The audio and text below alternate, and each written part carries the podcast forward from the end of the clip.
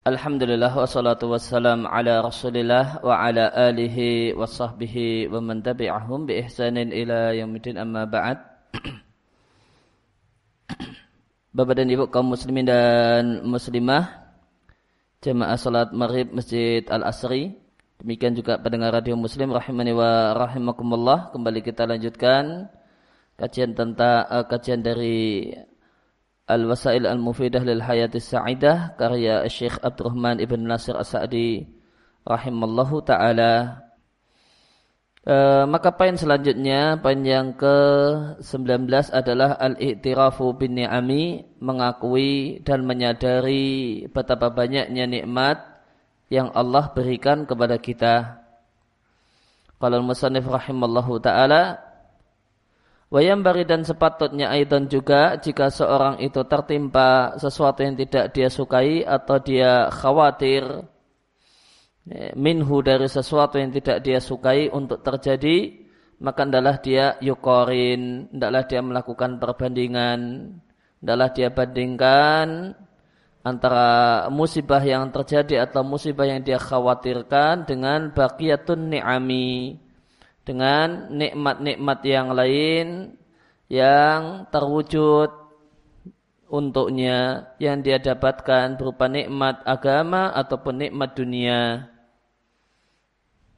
Hendaklah dia bandingkan uh, nikmat-nikmat yang masih ada pada dirinya dengan ma'asobahu min makruhin. Dengan hal-hal yang tidak uh, tidak menyenangkan yang menimpanya.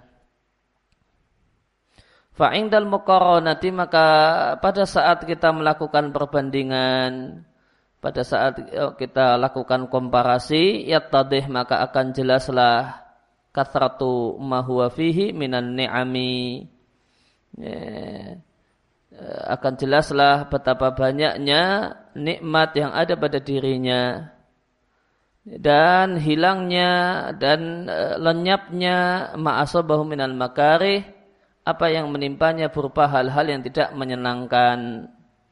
Maka hal yang tidak menyenangkan itu menjadi titik yang sangat kecil yang seakan-akan kemudian pada akhirnya titik tersebut adalah titik yang lenyap jika dibandingkan dengan demikian banyak dan besar dan bernilai dan mahalnya nikmat yang Allah Subhanahu wa taala berikan kepadanya maka semakin dia ingat nikmat-nikmat yang ada pada dirinya maka musibah dan kesusahan yang menimpanya itu semakin kecil, semakin kecil, semakin kecil sampai akhirnya dia akan ber, berkesimpulan bahwasanya itu tidak ada bandingannya dengan demikian dengan nikmat-nikmat yang lain yang Allah berikan dan Allah anugerahkan kepadanya.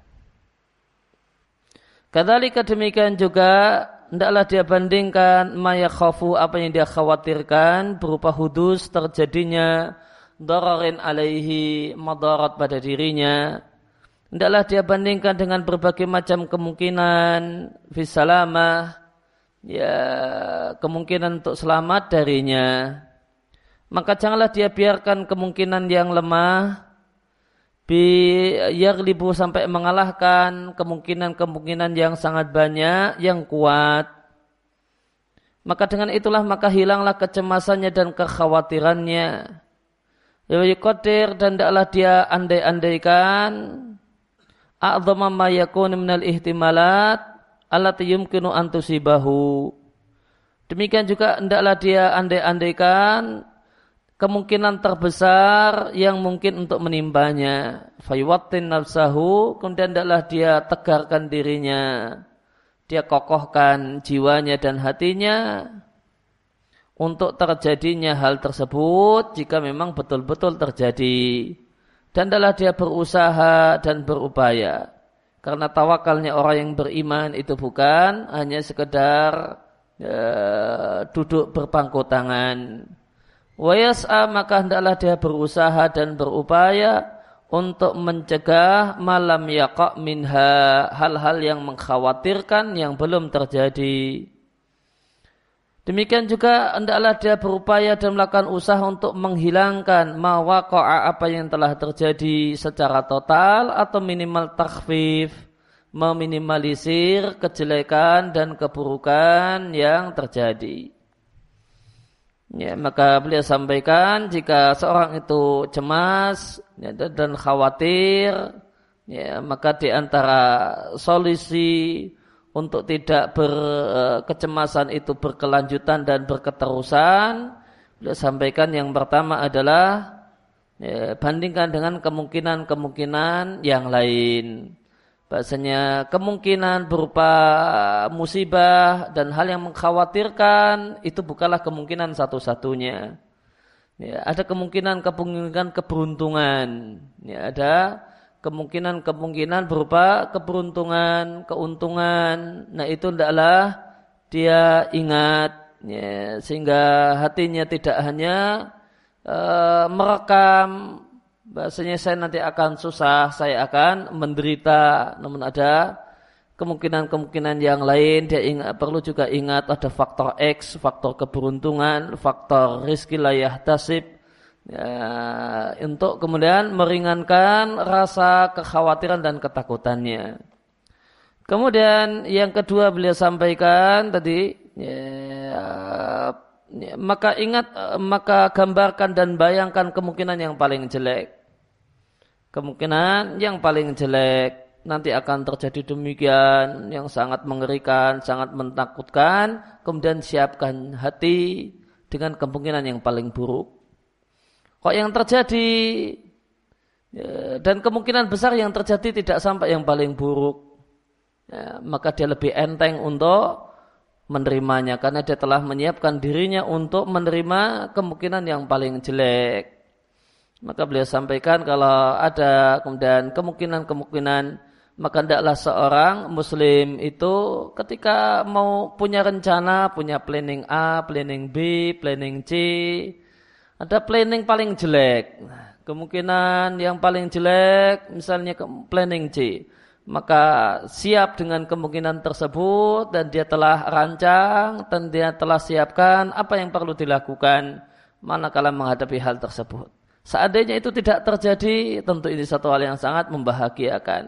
Jika terjadi, maka dia telah menyiapkan mental untuk e, menyikapinya sehingga dia tidak larut dan kaget, bingung saya harus berbuat apa karena memang telah disiapkan sejak awal. Kemudian e, catatan kaki dalam masalah ini kutipan dari Syekh Muhammad Al-Ghazali rahimallahu taala ya, bedakan antara Abu Hamid Al-Ghazali yang merupakan ulama ulama pakar fikih masa silam, ya, tokoh besar uh, dalam madhab syafi'i dengan Muhammad Al-Ghazali yang merupakan ya, bisa kita katakan uh, tokoh kontemporer berasal dari Mesir. Fi kitab dalam bukunya Jadid Hayataka perbaikilah hidupmu Beliau mengatakan ma'aktsaran ni'amul lati baina aidina betapa banyak nikmat yang ada di hadapan kita meskipun kita lalai ya, dan kita lupa untuk mengingatnya. Maka di antara nikmat yang ada pada diri kita meskipun kita berada dalam e, kekhawatiran dan musibah maka di antaranya adalah nikmat sehat dan ber, uh, dan berfungsinya anggota badan secara normal. Yeah. Meskipun ya, ya punya utang, ya meskipun ada ya, galau, ya, maka karena khawatir ini dan itu, meskipun baru saja lamarannya ditolak, maka ingatlah bahasanya betapa banyak nikmat yang uh, masih ada pada dirinya. Di antaranya beliau sampaikan, ya khujul insan min baitihi. Kita bisa keluar dari rumah, dari kamar, dalam keadaan sehat, yahuzu yadaihi, dia bisa gerak-gerakkan dua tangannya, dua-duanya. Apa itu bukan nikmat? Nikmat. Tangan bisa digerak-gerakkan. Itu nikmat. Betapa banyak orang yang tidak bisa gerak-gerakkan tangan. Ya karena kemudian patah tulang atau karena yang lain ya. Wayam si alal ardi bikhwatin sabitah dia bisa melangkah ya, di bumi dengan langkah-langkah yang tegap. Apa itu bukan nikmat? Ya, nikmat meskipun punya utang setumpuk. Apa itu bukan nikmat? Ingat itu nikmat bisa jalan dengan tegap. Betapa banyak orang yang susah untuk berjalan. Hmm. Meskipun kemudian proposal ditolak, nah, uh, ya, ya, proposal untuk kemudian judul ditolak, nah, ya, jangan kemudian galau terus-terusan. Ya. Ya, maka betapa banyak nikmat yang ada pada diri kita. Wayamla sadrahu bil hawa. Kita bisa memenuhi dada dengan udara fi anfasin rotibatin ya, dengan napas yang teratur amikatin dengan napas yang dalam-dalam dan gratis betapa banyak orang yang ya, harus bayar ya, harus beli oksigen untuk bisa bernapas ya ada yang kemudian kesusahan untuk bernapas. Kita meskipun punya setumpuk utang, ternyata masih bisa bernapas. Ya, tentu itu satu itu adalah nikmat besar yang jangan dilupakan. Kalau itu adalah nikmat. Wayamutu basarahu. Mata pun masih normal. Dia bisa ya, memanjangkan pandangannya ke ke ufuk, ya, al-kaun, dunia atau jagat raya. Dia bisa memandang jauh ke depan ya. dia bisa memandang uh, sekelilingnya. Mat artinya apa? Mata sehat. Itu nikmat. Uh, fatan fatihum maka terbukalah dua matanya. Dan betapa banyak orang tidak bisa membuka dua matanya. Bisa membuka mata nikmat bisa membuka mata itu nikmat sehingga ala as-asa al-munsabah ya, memandang cahaya ash'ah, cahaya munsabah mungkin menyilaukan, maka kita bisa memandang nyala lampu yang terang. Satu nikmat. Betapa banyak orang yang sudah melotot dan dia tidak bisa melihat ya, ada cahaya di situ. Watal tak itu udunahu, demikian juga telinga yang sehat. Ya. Dua telinganya itu bisa memunguti kalau terjemah terlaknya bisa memunguti atau menangkap. Mayamu jubihi al alam ya, gelombang suara yang berada dari segala penjuru. Min harakatil haya'i wal ahya'i dari gerak kehidupan dan makhluk-makhluk hidup. Ahya makhluk hidup. In hadil afiyah maka ini artinya kita itu dalam kondisi sehat itu nikmat. Inna hadil afiyah bahasanya kesehatan ini yang Anda bersenang-senang dalam kelapangannya. Dan Anda bersenang-senang dengan kebebasannya.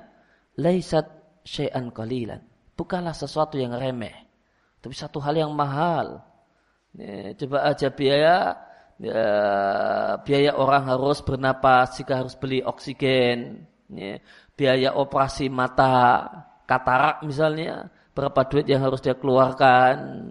Ya, coba kemudian dihitung seandainya dia eh, patah tulang tangannya nggak bisa digerakkan biaya berapa biaya yang harus keluar, betapa susah yang harus diri, ya, yang dia dapatkan.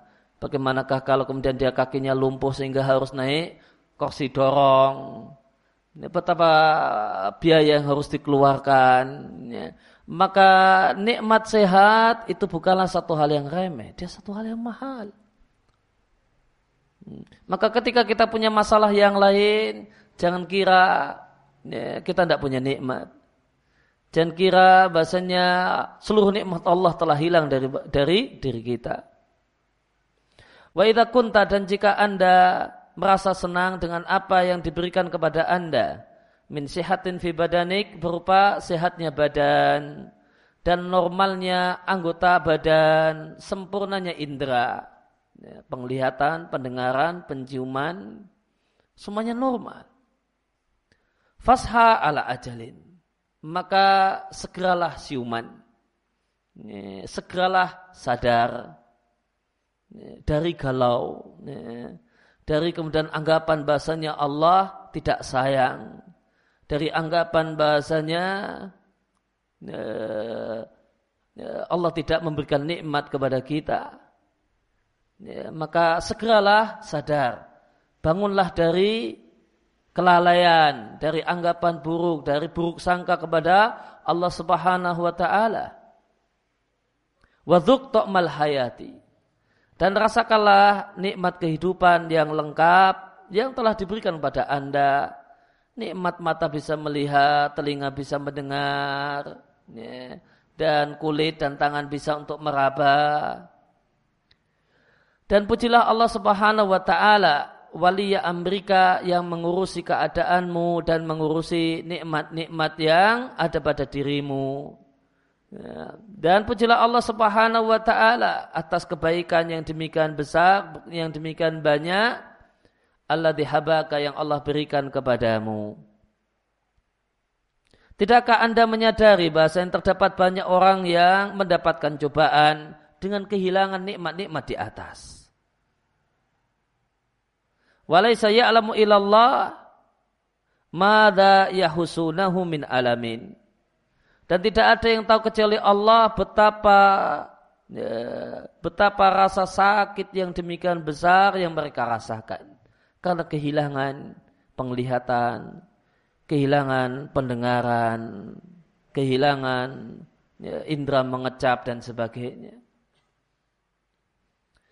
Minhum man hubisa fi jildihi maka ada orang yang tertahan mendapatkan masalah ya, di kulitnya, maka dia pun tidak tidak mampu melakukan gerakan setelah penyakit itu ya, mengikat dirinya. Wa minhum di antara mereka ada yang yastajdi al hawa al wasi ya, yang kemudian mencari manfaat dari udara yang demikian luas, nafasan agar bisa menjadi napas yang bisa menghidupkan dadanya yang sakit. Namun ternyata fama yu'tihi al-hawa'u ila zufratan ya, wa takhruju syahibatan bidami. Namun ternyata Ya, jadi bisa maknanya minta, meminta kepada udara yang demikian luas agar minta sedikit saja untuk bisa jadi napas. Non ternyata udara yang demikian luas tidaklah memberikan kepadanya kecuali sedikit saja. Hmm. Namun udara tersebut pun harus dikeluarkan bercampur dengan darah. Wa minhum dan ada orang yang hidup dalam keadaan orang yang ya, menjalani hidup dalam keadaan mangkusul atraf. Atrafnya itu berkurang. Atraf jamak dari tarfun. Tarfun itu ujung-ujung badan, yaitu ujung tangan dan ujung kaki. Maka ada orang yang harus kemudian menjalani hidup dalam keadaan kehilangan tangan, kehilangan telapak kaki, maka kita masih punya telapak kaki berfungsi normal, bisa jalan dengan tegap, itu nikmat. Awil masyair atau orang ada ada orang yang hidup dalam keadaan ya, rasanya, perasaannya itu tidak sempurna. Ya, ya, dia cuma bisa semua yang dia masukkan dalam mulutnya dia rasa itu pahit. Semuanya pahit maka bisa membedakan ini manis, ini kecut, ini pahit. Itu nikmat. Kemampuan merasa, mengecap, merasa, ya, ya, itu satu nikmat. Ya. Wa minhum man yutalawa minal akli lukmatin maka ada orang yang terhalang untuk memakan sesuap makanan karena organ hadimah yang menghancurkan makanan, pencernaannya itu maktubah rusak. Maka ada orang yang tidak bisa makan nasi, dia harus diinpus. Ada problem di perutnya, ya, dia hanya kemudian sari-sari makanan disuntikkan dan dimasukkan ke dalam badannya, maka bisa memasukkan ya, nasi ke mulut itu nikmat. Bisa ngunyah meskipun kadang pegel eh, karena keras atau karena yang lain itu nikmat. Coba bayangkan ada orang yang ya, uh, uh, harus terima jadi instan sari-sari makanan yang dimasukkan pada badannya. Maka jika anda itu sehat, dari semua penyakit-penyakit ini. Faltadhunu al-qadra al-qadara zawadaka bisyarwatin tafihatin au manahaka ma la tuhasibu alaihi kalla kalla. Maka apakah Anda mengira bahasanya takdir Allah Subhanahu wa taala hanya memberikan kepada Anda bekal berupa kekayaan yang remeh? Nah, mahal. Itu kalau mau dinilai pakai rupiah, ya, nilainya ratusan juta. Maka ketika kita punya satu masalah, maka jangan bersangka, jangan kira bahasanya Allah tidak sayang, Allah tidak ngasih nikmat. Masih banyak demikian besar nikmat yang Allah berikan kepada kita. Atau bahkan realitanya adalah manahaka. Ternyata Allah Subhanahu wa taala dengan takdirnya telah memberikan kepada Anda sesuatu yang tidak bisa dihitung, sesuatu yang Anda tidak bisa menghitungnya. Ini harganya berapa total nikmat tersebut? Setiap menit yang kita rasakan itu nilainya berapa ratus juta. Tangan bisa digerakkan, kaki bisa digerakkan, ya, bisa kemudian makan. Itu nilainya per menit berapa? Berapa ratus juta. Itu kita tidak bisa ngitung. Maka kala kala maka sekali-kali ya, Tidaklah demikian, sekali-kali tidaklah demikian, tidaklah kemudian benar anggapan bahasanya ya, dengan musibah yang anda jumpai, yang anda rasakan, maka hilang semua nikmat yang Allah berikan pada anda.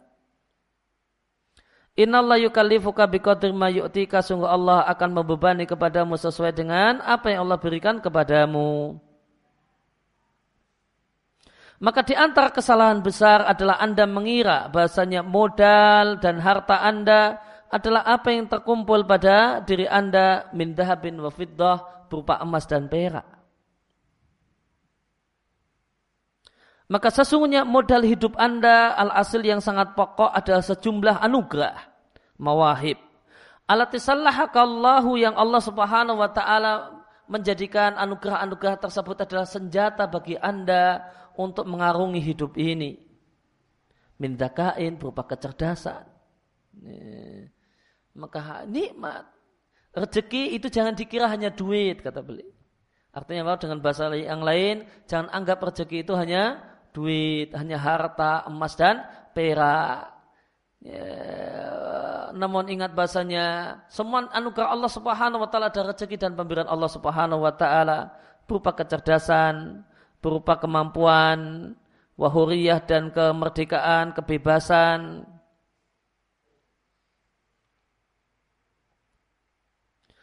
Wafitali ilmu wahib dan eh, dan pokok anugerah alat itu soalaik yang dilimpahkan kepadamu. Waktu tabar dan nikmat dan anugerah tersebut adalah teranggap terhitung minal anasir unsur yang sangat mendasar dalam kekayaanmu. Adalah ma'an amallahu bi alaika min sihat min sihatin sabirah. Adalah nikmat yang Allah berikan kepadamu berupa sehat yang sempurna. Wa afiyah dan berupa kesehatan yang itu meliputi dari ujung kepala sampai telapak kakimu. Maka tata anak biha dengannya anda akan kemudian melihat indah, Anda akan merasakan keindahan dalam hidup. Sebagaimanakah sebagaimana Anda inginkan dan Anda ya, ya, Anda sukai. Maka dengan maka beliau sampaikan bahasa nikmat duniawi yang paling besar yang Allah berikan kepada manusia adalah nikmat sehat. Dengan nikmat sehat ini kita bisa melihat hidup itu indah meskipun kita punya banyak masalah, itu hidup itu itu akan ya, terasa nikmat, terasa indah dengan sebab sehat. Jika sehat ini hilang, maka nikmat yang lain itu tidak bisa menyebabkan hidup ini indah. Ketika Allah cabut nikmat sehat, maka harta yang berlimpah jadi indah, menyebabkan hidup indah? Tidak. IP yang bagus itu bisa kemudian hidup itu indah ketika nggak sehat, ketika sakit. Nah. Maka yang bikin uh, beliau sampaikan yang membuat hidup itu bisa indah kalau kita mau memanagenya. Ya, modal pokoknya adalah punya nikmat sehat. Ya, dengan punya dengan memiliki nikmat sehat, maka kita bisa mengelola hidup ini, kita kelola sehingga nampak indah. Namun jika nikmat sehat itu hilang, yang lain itu tidak bisa menjadi sebab hidup ini indah. Ya. Istri cantik, namun uh, sakit cuma di bisa pembaringan, apakah kemudian uh, hidup itu jadi indah? Tidak bisa jadi indah. Kendaraan mewah, namun tidak bisa dimanfaatkan karena kita terbaring sakit. Apakah hidup jadi indah? Tidak jadi indah. Namun jalan kaki, badan sehat, indah. Ngontel, ya, badan sehat, tidak masalah, indah. Bisa senyum. Namun punya mobil mewah, terkapar di pembaringan, maka tidak bisa senyum dengan nikmat. Senyumnya senyum yang kecut. Maka beliau katakan bahasanya tata anak biha fil hayati. Sehat, nikmat sehat itu menyebabkan hidup itu anik, hidup itu indah. Kita akan bisa buat hidup itu indah kalau kita punya modal badan yang sehat. Namun anehnya kata beliau, mayoritas manusia meremehkan kekayaan ini. Kekayaan yang demikian besar nilainya. Yang mereka memilikinya yang tidak ada seorang pun yang bersekutu dengan mereka di dalamnya atau menyaingi mereka badannya yaitu kekayaan berupa badan yang sehat. Ya. Namun betapa banyak manusia meremehkan kekayaan berupa badan yang sehat. Ya. Karena dia anggap rezeki dan anugerah kalau duitnya banyak. Ya. Kalau kemudian rumahnya mewah maka dia sampai pontang panting, mengorbankan badannya yang sehat sampai jadi sakit untuk kemudian punya rumah. Setelah punya rumah, ternyata dia tidak bisa menikmati rumahnya. Ya, karena dia malah tidurnya di rumah sakit. Ya, karena dia porsir untuk uh, cari duit supaya bisa bangun rumah. Ternyata setelah rumah terbangun, dia tidak bisa menikmati rumahnya.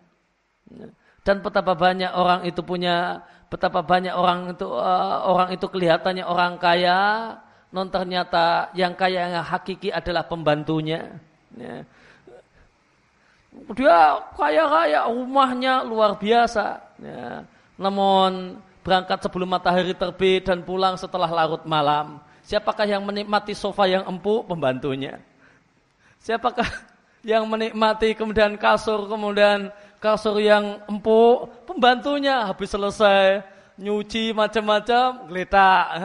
Di kasur yang mentul-mentul, kasur yang empuk, pembantunya. Si orang kaya tadi menikmati apa? Ya cuma menikmati mobilnya saja. Nah. Siapa yang kemudian menikmati kemudian uh, relief rumahnya yang demikian mahal? Siapa yang menikmati relief rumah yang demikian mahal? Finishing itu katanya yang paling menghabiskan duit. Ya. Siapakah yang bisa menikmati finishingnya? Pembantunya ternyata. Yang punya rumah nggak bisa menikmati karena pergi masih gelap dan pulang sudah gelap. Kan? Eh, perginya masih gelap, pulang sudah gelap. Yang nikmati indahnya eh, relief ini jutaan. Siapa pembantunya? Capek dia uh, ngurusi kebun sambil menikmati, wah indahnya rumah ini. Ya. Ya. Siapa yang bisa menikmati yang maksimal menikmati taman di halaman rumah yang demikian indah boleh jadi dengan biaya yang mahal. Ternyata yang menikmati itu pembantunya. Pak kebun itu yang menikmatinya. Oh ini ada bunga-bunga yang mahal. Siapa yang menikmati memandangi sampai puas? Ya. Siapa yang menikmatinya? Ini bunga-bunga yang mahal. Yang nikmati pembantunya. Yang punya rumah, ya, itu tidak bisa menikmatinya. Ya, karena dia sibuk cari duit. Ya. Pergi masih gelap, pulang sudah gelap. Lalu taman indah kapan dia nikmati? Nah, nah.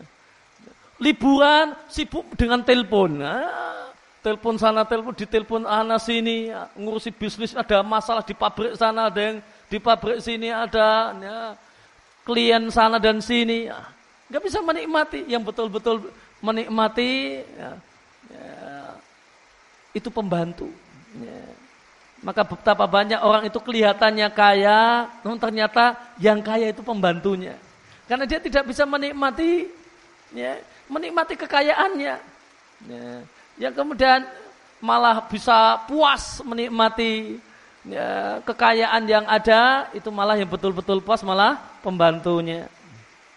Maka banyak orang meremehkan kekayaan yang demikian mahal yang dia miliki ini berupa yaitu kekayaan berupa badan yang sehat.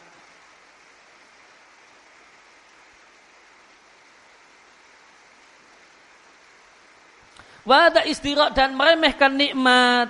Nikmat sehat ini adalah berarti pengingkaran terhadap nikmat. Sehingga orangnya itu layak untuk mendapatkan tandi, celaan keras, bahkan layak untuk mendapatkan muakhodah, hukuman.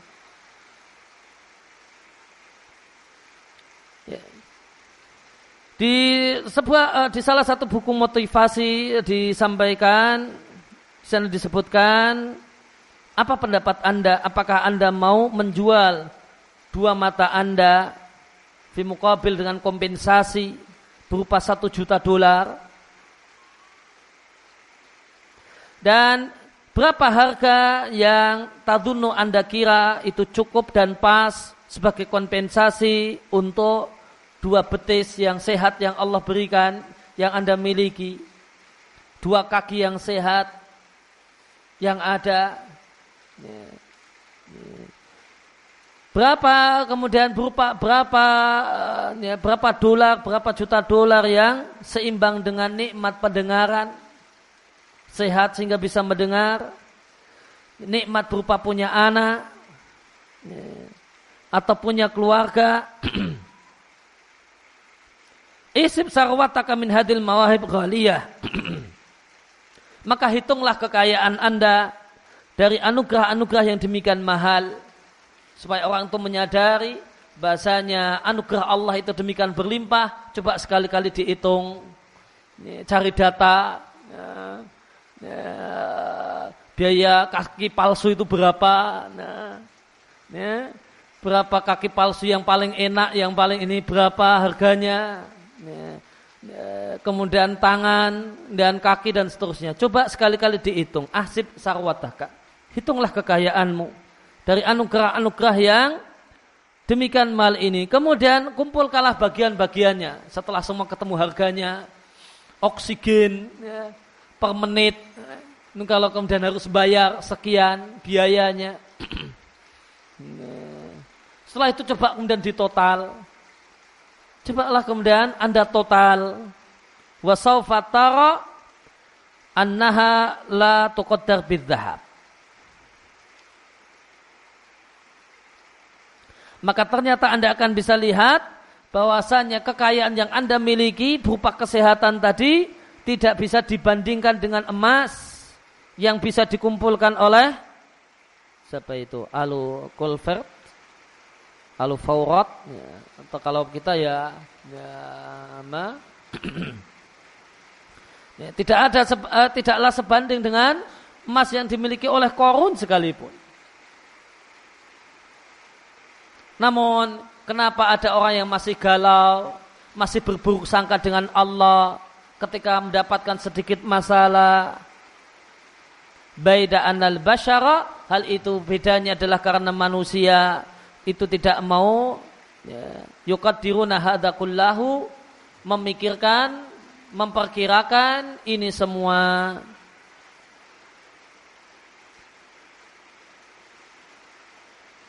Oleh karena itu maka umumnya manusia adalah sebagaimana dikatakan oleh seorang tokoh yang di sini adalah tokoh barat dia mengatakan betapa sedikitnya kita memikirkan nikmat yang kita miliki, namun betapa seringnya kita memikirkan nikmat yang berkurang dan hilang.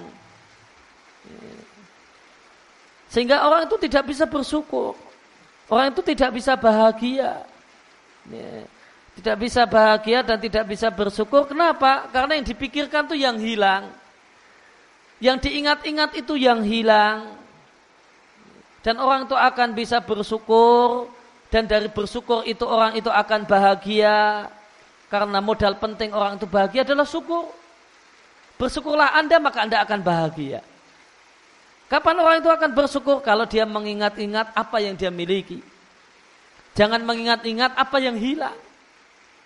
No ingat-ingat apa yang masih ada dan apa yang masih dimiliki.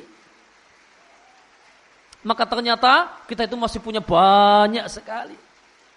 Yang itu semua wajib kita syukuri. Maka kemudian kita bersyukur dan kita pun bahagia.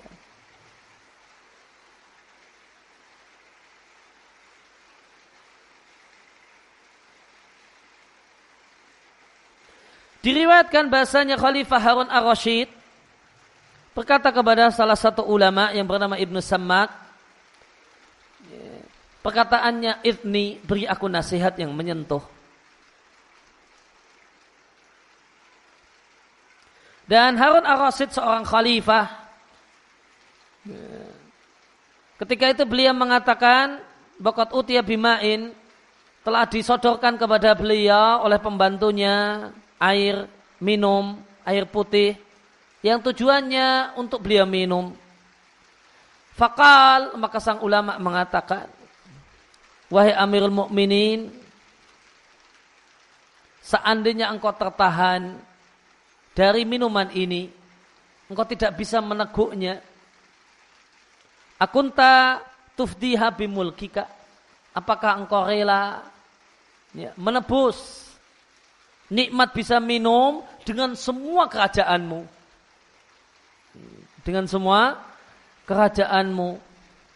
Supaya kemudian ini semua kerajaanmu kau jual supaya bisa minum segelas air.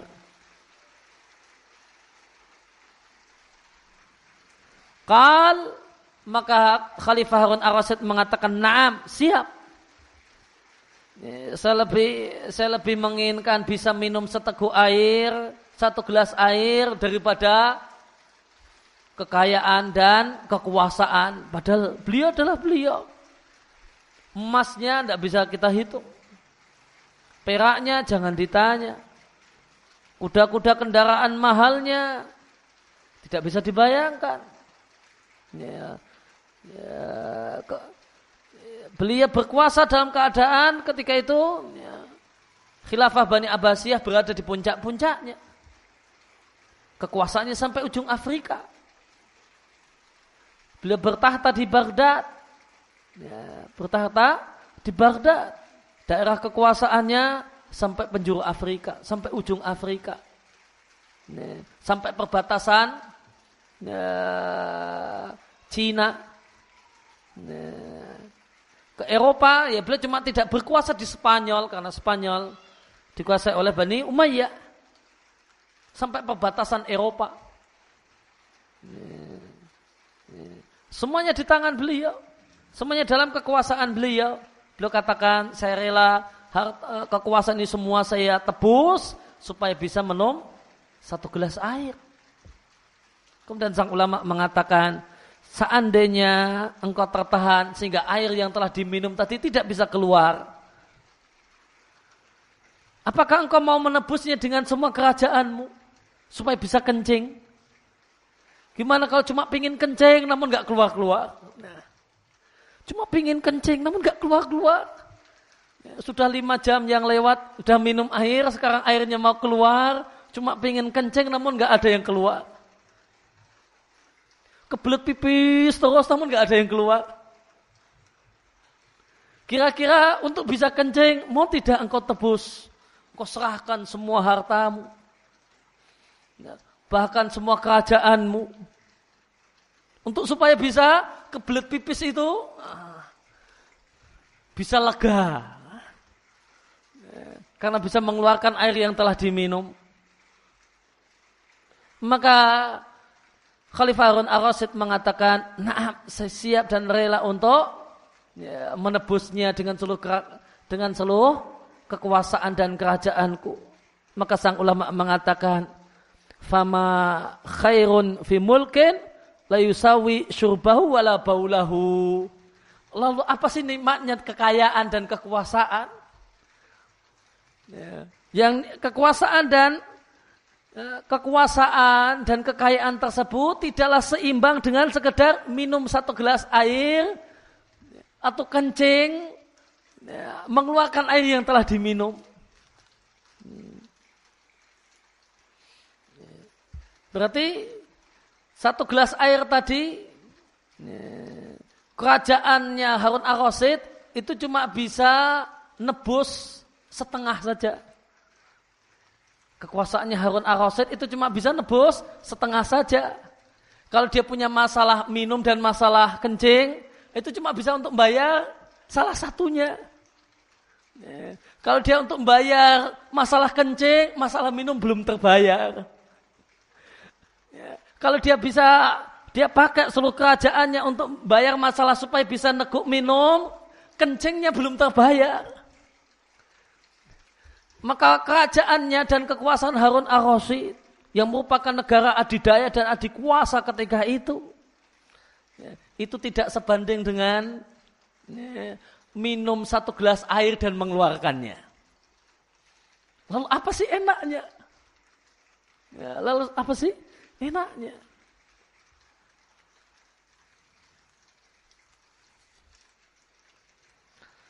Ya, demikian nasihat sang ulama kepada Harun Ar-Rasyid. Dan Harun Ar-Rasyid kemudian di lanjutnya cerita beliau menangis karenanya. Setelah dapat nasihat tersebut, beliau pun nangis seseguan. Ya, demikian yang kita baca dan kita telah ada kesempatan malam hari ini. Wassalamualaikum warahmatullahi wabarakatuh. Baru da'wana alhamdulillahi rabbil alamin. Subhanaka Allahumma wa bihamdika asyhadu an la ilaha illa anta astaghfiruka wa atubu ilaik.